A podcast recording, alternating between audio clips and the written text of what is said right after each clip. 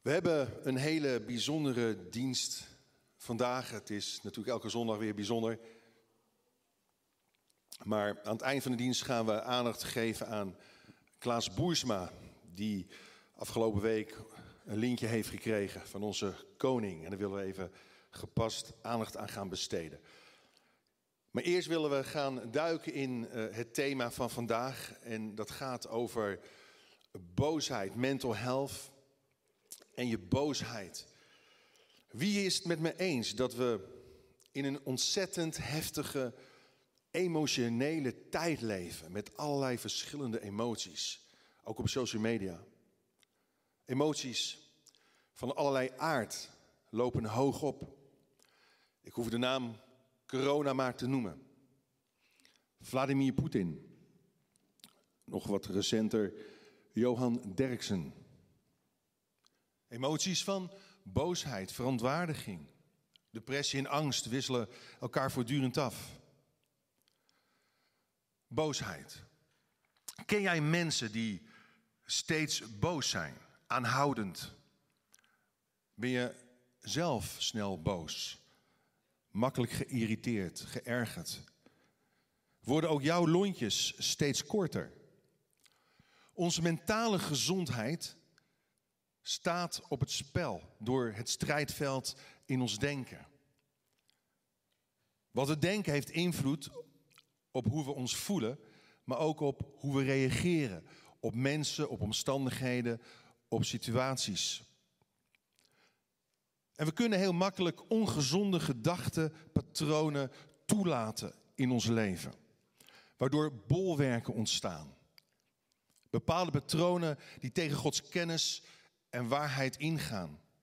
Leugens over God, leugens over onszelf, leugens over andere mensen. En wat we denken, nogmaals, heeft invloed op hoe we ons voelen.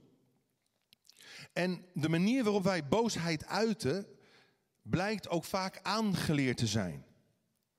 Natuurlijk kan het genetisch misschien meegenomen zijn in je genen, maar we hebben de neiging om aan bepaalde patronen vast te houden. Zonder misschien te weten, beseffen waar dat aan ligt of hoe dat kan. Waarom doen we eigenlijk wat we doen? Soms doen we dingen die we eigenlijk niet willen doen. Een vrouw die een jaar getrouwd was, maakte een speciaal recept op hun huwelijksdag van haar moeder klaar. Een heerlijke runderrollade. En toen ze de rollade op tafel zette, merkte de man dat de uiteinden van de rollade eraf waren gesneden. En hij vroeg waarom? En hij vroeg het ook aan zijn vrouw. Nou, ze zei, zo maak je een rollade klaar, dat hoort zo. Je snijdt de uiteinden eraf en dan zet je de rollade op tafel. Dat deed mijn moeder ook altijd. Dus die man die denkt, nou, ik wil toch wel even met die moeder gaan praten. Waarom ze dat doet. Ik vind het zonde van een stukje vlees. En hij belt de moeder op en hij vraagt haar: Waarom um, hebt u dat zo gedaan? Nou, dat hoort zo. Mijn moeder deed het ook altijd zo. Zo maak je een rollade klaar. Dus hij dacht: Weet je wat? Ik ga nog even verder. Ik ga oma opbellen.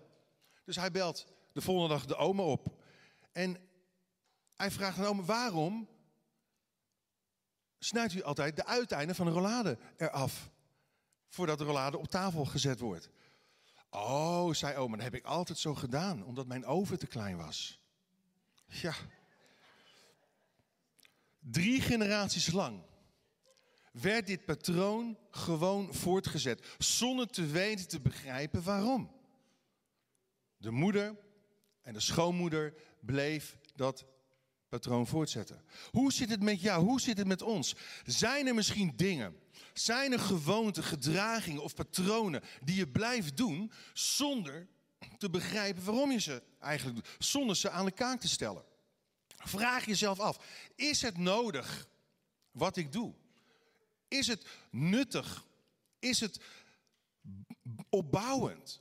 En zo niet, leg het af en stop ermee. Laat je vernieuwen in je denken en in je emoties. En dat is waar het in deze serie om gaat. Mental health. Check je mentale gezondheid. Weet je, een leven waarin boosheid een patroon is geworden, is uitermate ongezond. Niet alleen geestelijk, maar ook gewoon medisch gezien. Wanneer we boos worden, wordt onze bloeddruk hoger. Ons hart gaat sneller kloppen. De spieren spannen zich samen en de spijsvertering vertraagt. Weet je, je kunt ook, ook lichamelijk gezien boosheid niet verbergen. Ook spreuken heeft het erover dat iemand die, die, die verbitterd is, die, die boos is, die, die rancuneus is, die, die knijpt zijn ogen dicht. Je ziet aan het gelaat. In spreuken 26, lees je mee, vers 26 staat, al tracht de haat door bedrog zich te verbergen. Zijn boosheid komt vroeg of laat in de vergadering wel aan het licht. En ook op psychisch en sociaal gebied kan boosheid schadelijk zijn. Het veroorzaakt muren tussen mensen. Uh, het veroorzaakt isolement. Blijvende boosheid leidt ook vaak tot depressie, depressieve klachten. Het verteert de ziel. Het blijkt dat boosheid een van de moeilijkste gevoelens is in ons leven om te beheersen, om te controleren. Wie heeft er nooit moeite mee? Ik geloof dat we het allemaal wel hebben. Het is niet makkelijk om onze gevoelens te beheersen. Moet ik ontploffen of moet ik oppotten? Moet ik mijn gevoelens van boosheid uitdrukken of onderdrukken? Weet je, iedereen kan boos worden, dat is niet zo moeilijk. Maar boos worden op de juiste persoon, in de juiste mate, op het juiste moment, met het juiste motief en op de juiste manier, dat kunnen maar heel weinig mensen. Ik, ik, ik probeer het nog steeds te leren, ik kan, het, ik kan het ook nog niet zo goed. Ik faal voortdurend ook op dit gebied. Eh, maar weet je, wat belangrijk is om te beseffen is het volgende. Boosheid, lees mee, is als emotie op zichzelf een moreel neutrale kracht die de mens tot handelen aanzet. En dat kan positief of negatief zijn. Het is maar net hoe je ermee omgaat. Sommige mensen, heel vaak ook christenen, denken dat, dat ze niet boos mogen zijn, niet boos mogen worden. Zelfs niet boos op God mogen worden. Nou ja, als je de psalmen leest, of de klaagliederen, of het boek Job, er komt heel veel boosheid naar boven. Dus ik denk dat dat niet juist is. Maar de indruk wordt gewekt dat boosheid per definitie verkeerd is. Want de meeste mensen hebben moeite om toe te geven dat ze boos zijn. Soms maakt men het zo bond door te zeggen: nee hoor, ik schreeuw helemaal niet. Ik ben niet boos. Is het een zonde om boos te worden? Misschien vraag je je dat af. Is het, ben ik dan een zondaar? Is God boos op mij als ik boos ben? Luister goed, boos worden is geen zonde. Het is een menselijke emotie die er mag zijn. Die soms zelfs nodig is. De emotie boosheid is niet negatief. Maar doe er wel meteen iets mee. Zodat het niet leidt tot zonde. Zodat het geen bruggenhoofd wordt naar de vijand toe. Paulus, hij beschrijft het als volgt. Lees mee. Als u boos wordt, zondig dan niet. Als je boos wordt, is dus geen zonde. Maar zondig dan niet. Laat de zon niet ondergaan over uw boosheid. Geef de duivel geen kans. Geef de duivel geen kans. Geef de strijd aan God over. The battle belongs to the Lord. Weet je, zonde die, die voortkomt uit woede in de vorm van schreeuwen, schelden, slaan, vloeken, vechten, verbittering, verwijdering. Geef de duivel een voet tussen de deur. Paulus zegt, pas daarvoor op, geef hem niet de kans, geef hem niet de gelegenheid. Geef de duivel geen ruimte, geen voet. Weet je, s'nachts laat je de deur toch ook niet openstaan als je gaat slapen. Je zorgt dat alles op slot is. Je doet de deur dicht zodat er geen inbrekers kostbare spullen kunnen stelen. Maar weet je, vasthouden aan boosheid geeft de duivel de kans om wat kostbaar is in je leven te roven, te stelen. Zoals vrede in je hart, vreugde in je hart, zoals positieve gedachten, een goede slaap. Je raakt uit balans en dat is ongezond. Dus hoe ga je om met boosheid? Weet je, de meest liefdevolle persoon in, in dit universum, die de hele wereld en aarde schiep, kon boos worden. Jezus. Hij toonde emoties van diepe genegenheid, jawel. Maar hij, kon ook emoties tonen van diepe verontwaardiging. Van onrecht. Als er onrecht was. God, God is, is onveranderlijk. Dat is een eigenschap. Hij is onveranderlijk. Maar hij is niet onbewogen. In het Oude Testament lezen we ook dat God boos kon worden. We lezen dat de woede van de Heer zo hevig was dat hij de Israëlieten 40 jaar in de woestijn liet rondzwerven. En die hele generatie die slecht had gedaan in de ogen van God, kwam dat beloofde land niet binnen. Maar gelukkig is God vooral traag in het boos worden en snel met vergeving schenken. Jezus, hij uitte rechtvaardige woede. Maar let op, Jezus was niet zozeer boos over wat mensen hem aandeden. Hij was boos ten behoeve van anderen die onrechtvaardig behandeld waren. Werd Jezus bekritiseerd? Hij is de zoon van God. Ja, hij werd bekritiseerd. Werd Jezus verraden? Ja, hij werd verraden. Werd Jezus gehaat? Werd hij bedrogen? Werd tegen hem gelogen? Werd er over Jezus geroddeld? Kwaad gesproken? Ja, allemaal waar. Toch lezen we nergens in, het evangelie dat hij daar met boosheid op reageerde. Wat deed, wat, wat deed, hij wel? Wat kunnen we leren van Jezus? Lees mee. Als Jezus boos werd, dan was dat nooit omdat anderen hem iets aandeden, maar omdat mensen door onrecht of door toedoen van anderen moesten lijden. Het was geen op zichzelf gerichte boosheid.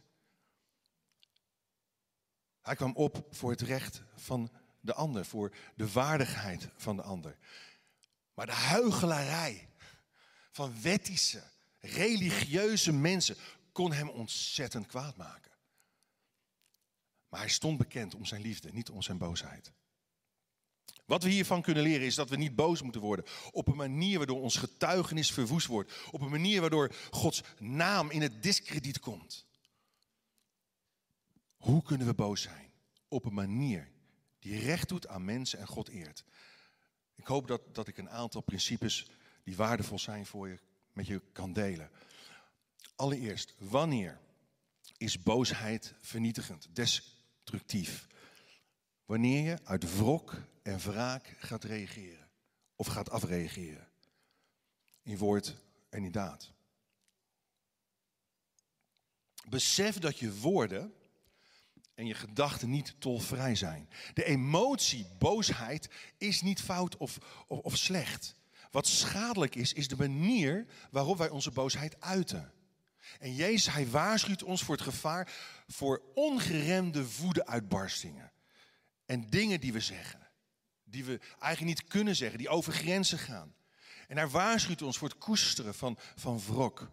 Lees u mee, Matthäus 5, vers 22 in de bergreden. Hij zegt, ieder die in woede tegen zijn broeder of zuster tekeer gaat, zal zich moeten verantwoorden voor het gerecht. Wie hen voor niets nut uitmaakt, zal zich moeten verantwoorden voor het Sanhedrin, het hoogste gerechtshof. Wie dwaas zegt, zal voor het vuur van de Gehenna, van de hel, komen te staan. Oeh. Onze liefdevolle Heer is af en toe best wel scherp. Wat, wat staat hier eigenlijk? Jezus, hij wijst hier op het feit dat minachtend schelden eigenlijk op één lijn met moord staat. Het woord dwaas betekent namelijk in het taalgebruik van die dagen een afvallige. Dus als je zei dwaas, afvallige, dan was dat een scheldwoord die, die voor een Jood ontzettend beledigend was. Die tot in het diepst van zijn ziel hem krenkte of haar kon krenken, hem afwees, hem veroordeelde. En de vraag, de grote actuele vraag van deze tijd is: hebben wij geen, geen vrijheid van meningsuiting? We moeten toch alles maar kunnen zeggen? Nee, geloof ik niet. Ja, maar woorden kunnen dus dodelijk zijn. Het woord voor woede betekent hier langdurige, aanhoudende boosheid. Het is een aanhoudende vorm van boosheid die gepaard gaat met gevoelens van, van wraak en bitterheid. En Jezus zegt dat we niet het recht hebben om op die manier boos te zijn of te blijven. Jezus, hij wil dat we afstand doen van dat recht en aan God overgeven. Want Hij is de rechtvaardige Vader, die rechtvaardig zal gaan oordelen. Weet je, woede, aanhoudende boosheid, wat leidt tot verbittering, is zo vernietigend voor jezelf, voor je eigen ziel. Daar wil Jezus ons voor beschermen. Je maakt jezelf een gevangene van je eigen emotie. Je zet jezelf achter tralies en in het duister. En Johannes, de apostel van de liefde, hij wijst ook hierop in zijn eerste brief aan de gemeente. Hij zegt, wie niet lief heeft, blijft in de dood. Ieder die zijn broeder of zuster haat, is een moordenaar. Daar heb je weer. Ook al pleeg je niet concreet een moord, maar als je in je hart haat koestert, iemand, eigenlijk het, Griekse woord kan ook vertaald worden met minachting. Als je neerkijkt op iemand, iemand in waarde naar beneden haalt, ben je een moordenaar. is nogal wat. Luister goed, wraak houdt je vast in het verleden. En snijdt je af van de toekomst. Maar vergeving maakt je los van het verleden en opent je toekomst. Wil je in die toekomst stappen? In die openheid, de ruimte van God, van Gods dimensie. En dan, wanneer is het destructief? Wanneer nog meer? Wanneer, lees mee, je je gevoelens onbeheerst, ondoordacht laat gaan.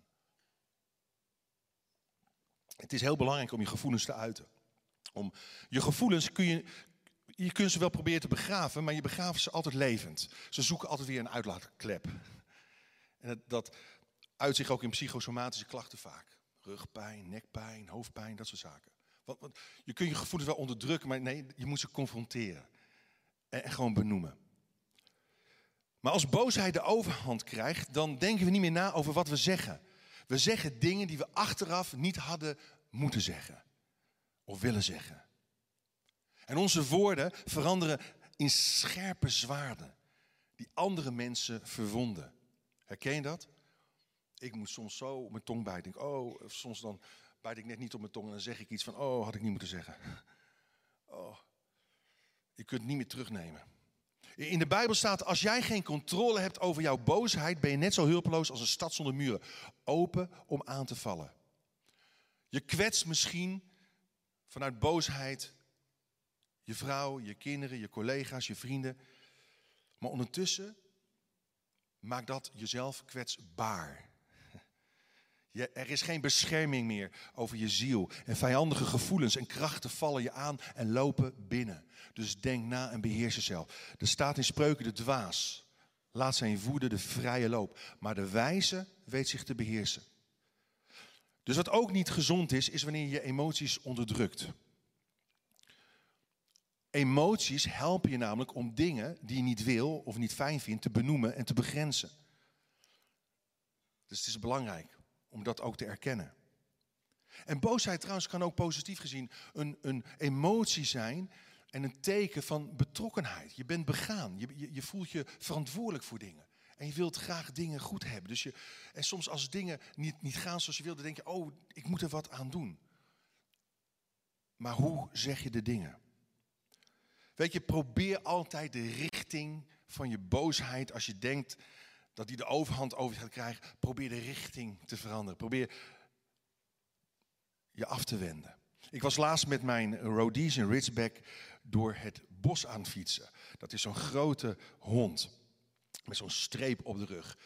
En ja, ik moet eerlijk toegeven, ze zien er best wel imposant uit. In ieder geval ehm, zag ik in de verte een, een man en een vrouw lopen met een klein hondje. En aangezien onze reu van 3,5 niet gecastreerd is, behoorlijk dominant kan zijn met andere reutjes, probeer ik altijd goed op te letten of er geen concurrentie van zijn type in de buurt rondloopt. Want dan is het vaak hommeles. Maar het is een schat van een hond. Zo'n lieve hond, hè? Ja, ja, ja, nou, ja. Ja, oh, we hebben een gezinshuis en we hebben op dit moment vijf meisjes en ze zijn gek op Jack. Hè? Ja, ze zijn helemaal gek op Jack. En, maar ik twijfelde toch even of ik, of ik hem zou aanlijnen. Maar uit ervaring met Jack weet ik dat hij kleine hondjes geen kwaad doet. Dus ik liet hem loslopen. Alhoewel, hij rende wel naar het hondje toe. Ik fietste rustig achter hem aan, toch even checken of het allemaal goed gaat. En op een gegeven moment dat kleine hondje van die mensen begon te piepen en te blaffen en te keffen en ik weet niet wat allemaal. En, en, begon weg te rennen en die mensen helemaal in paniek schreeuwen, vloeken, tieren. En die eh, hond, hij valt ons, hij verscheurt ons. Hij, Jack deed helemaal niks. Ik voelde me echt oprecht tot in het diepst van mijn ziel gekwetst. Blijf van mijn hondje af. En, die, die, die man die ging maar door. Hè? En in eerste instantie wilde Jack alleen maar spelen. Maar door al die hectiek en die chaos die gecreëerd werd door die mensen, begon hij misschien wel dat kleine hondje als een lekker konijntje te zien. Ik weet het niet. Maar... En die man die sprong op Jack af, probeerde hem te grijpen, te wurgen. Ik weet niet wat. Alles in mij kwam in opstand. Ik ben heel eerlijk. Alles. Oeh, blijf van mijn hond af. Ik werd zo boos. En hij, op een gegeven moment, hij, hij, met gebalde vuisten liep hij op me af in dat bos. En, en ik stond ook eigenlijk klaar om met gebalde vuisten naar hem toe te lopen. Mijn lieve hond beledigen, hoe durf je? En hij zei allemaal dingen die niet waar zijn. Hè? Dat het een valse hond was en een gemene hond. En een... Oh, gelukkig kwam de Heilige Geest over me. Een stemmetje zei niet doen. Wend je af. Bijt op je tong. Reageer in het tegenovergestelde geest. Allemaal van dat soort dingen. Ik liep langs hem. Ik, ik liep naar hem toe, maar ik liep langs hem. Pakte Jack met mijn lijn. Nog een fijne dag verder. Ik stapte snel op mijn fiets. Fietsen weg. Ik weet je wel te vinden. Ik weet je wel te vinden. Ja, Oké, goed. Je doet je best maar. Luister. Salomo, hij zei dit. Lees hem mee. Doe maar. Een driftkop, ja, lees u mee, maakt snel ruzie. Een heet hoofd gaat vaak over de schreef. Ik ben eerlijk, ik ben van nature een heet hoofd. Een driftkop maakt snel ruzie. Hoe kunnen we nu? Dus oké, destructieve dingen herkennen in ons leven. Maar hoe kunnen we constructief met boosheid omgaan en mentaal gezond blijven? Denk na Lees mee. Denk na over wat je gaat zeggen en kies het juiste moment uit. Als we boos zijn, moeten we blijven nadenken over wat we zeggen. We spreken ons uit, maar de timing en de toon is belangrijk. De vraag is, moeten we nu altijd alles zeggen wat bij ons opkomt? Anders zijn we niet eerlijk of zo. Ik geloof er niet. Het is ons beter om je in te houden. En ik ben eerlijk, toen ik weg was gefietst, de adrenaline was, stroomde door mijn lijf. Ik moest eventjes ergens uh, even pauzeren, even stil, stil zijn en even keihard schreeuwen in het bos. Weet je, niemand kon me toch horen en niemand was in de buurt. Maar weet je, het is een dwaas die alles wat hij voelt of denkt uitspreekt. We, we zeggen niet alles wat we voelen. Waarom niet? Of denken. Omdat we daarmee het welzijn van anderen bevorderen of op het oog hebben. Een verstandig mens, lees me, houdt zijn woede in toom en het siert hem als hij fouten door de vingers ziet. Ja, we zijn heel snel in het aanwijzen van fouten, maar soms ziet het een mens als die fouten door de vingers ziet en zijn woede in toom houdt. Hoe gaan we constructief met boosheid om? Lees mee. Zet de energie die boosheid teweeg brengt om in dat wat recht doet aan God en mensen. Ik wil uh, een heel mooi voorbeeld noemen van de Heer Jezus. Hoe hij kon optreden. En, en daar ook wat, wat lessen uithalen. Maar de mate waarin we openlijk onze gevoelens tot uiting laten komen, moet wel beheerst worden. Niet door angst voor vergelding, maar door ons voornemen anderen lief te hebben. Lees mee in Matthäus 21, vers 12.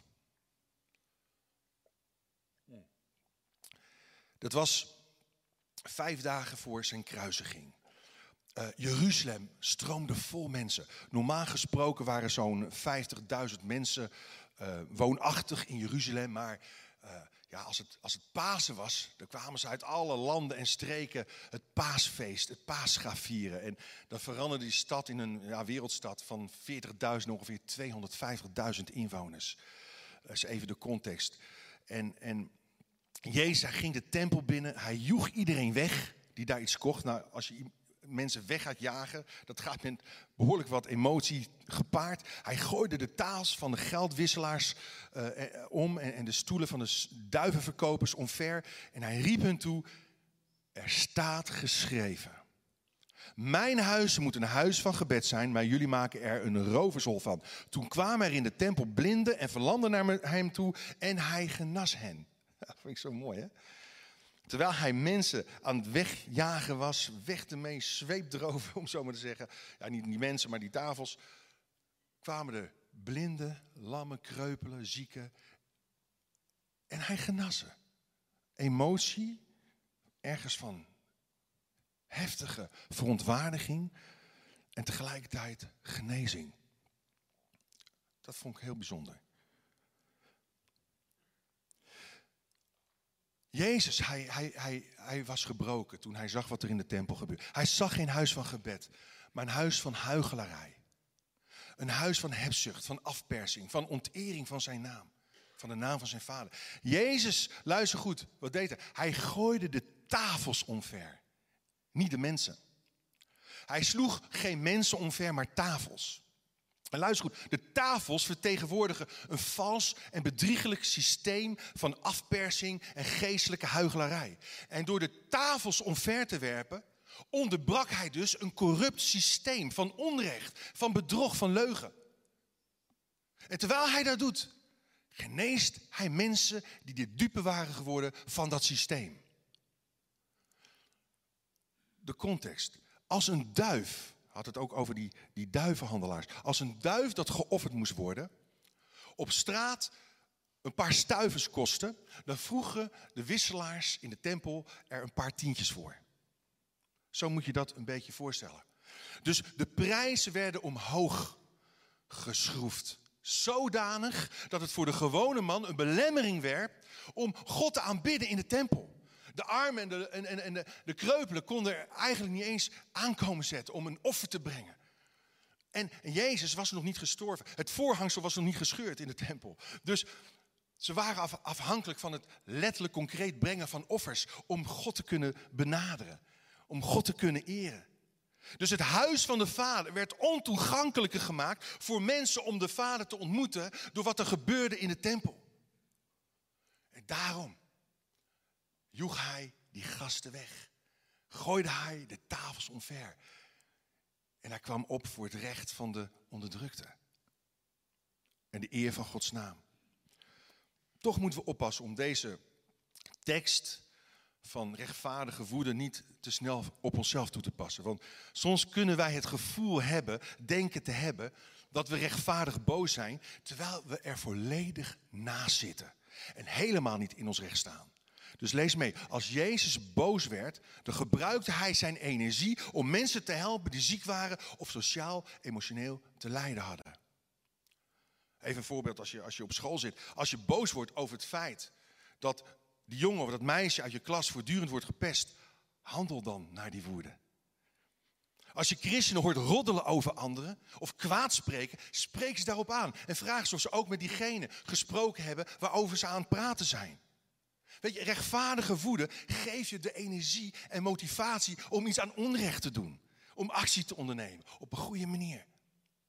En tegelijkertijd, lees mee, onderzoek waar je emotie van boosheid vandaan komt. En kies altijd voor het proces van vergeving. Weet je, we kunnen van alles meemaken.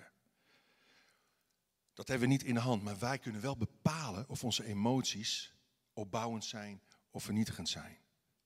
Vraag jezelf af, is mijn boosheid wel redelijk? Waar ben ik op uit? Wat voor verandering wil ik? Hoe wil ik dat bereiken? Laat kwaadheid of boosheid zich niet vastnestelen in je hart. Lees er mee, in ons streven rechtvaardig te willen zijn, vergeten we vaak al te snel liefdevol te blijven. In ons streven rechtvaardig te willen zijn, vergeten we al te snel liefdevol te blijven. Wees er zeker van dat je onrechtvaardige boosheid geen legitimatie wordt voor onrechtvaardig gedrag. Weet je, ons doel is niet zozeer dat we gelijk moeten krijgen in onze standpunt, ook als gelovigen, als christenen. Maar, maar dat we liefdevol blijven, ondanks onze standpunten. Dat, dat is een hele uitdaging. Ik wil een aantal vragen, heel concreet, stellen. Stel jezelf concreet de volgende vragen. Over, je eigen boosheid, als je boosheid ervaart. Als je die emotie herkent in je leven. Allereerst, hier wil ik mee eindigen. Is dit werkelijk belangrijk genoeg om boos te worden? Is het werkelijk belangrijk genoeg? Is het de moeite waard? Is het de moeite waard om er zoveel tijd en energie in te steken? Maar wat is trouwens het ergste wat kan gebeuren? Zal dit probleem er over een uur, over een maand, over een jaar nog zijn? Onderzoek geeft ook aan dat mensen die hun boosheid afreageren op andere mensen niet minder kwaad, maar juist kwader worden. Het is brandstof voor je woede. Dus is het werkelijk belangrijk genoeg? Ten tweede, heb ik een goede reden tot boosheid? Zijn mijn verwachtingen wel realistisch? Misschien heb ik te hoge eisen gesteld aan mezelf of aan andere mensen. Of ik verwar de gevoelens die ik nu heb met iets wat in het verleden is gebeurd. Ik projecteer dat op een situatie in het heden. Of misschien interpreteer ik de situatie helemaal verkeerd. En hoe vaak gebeurt dat niet? Hè? Je vult het even voor de ander in. Zonder met de ander gepraat te hebben. Oh, ze komt expres te laat. Ik weet zeker. Expres. Doet ze mij te pesten. Of uh, heeft die man van mij weer zijn sokken niet in de wasmand gestopt? Hij houdt niet van me. Zie je wel? Ja. Weet je, dit soort vijandige gedachten wekken juist alleen maar boosheid op.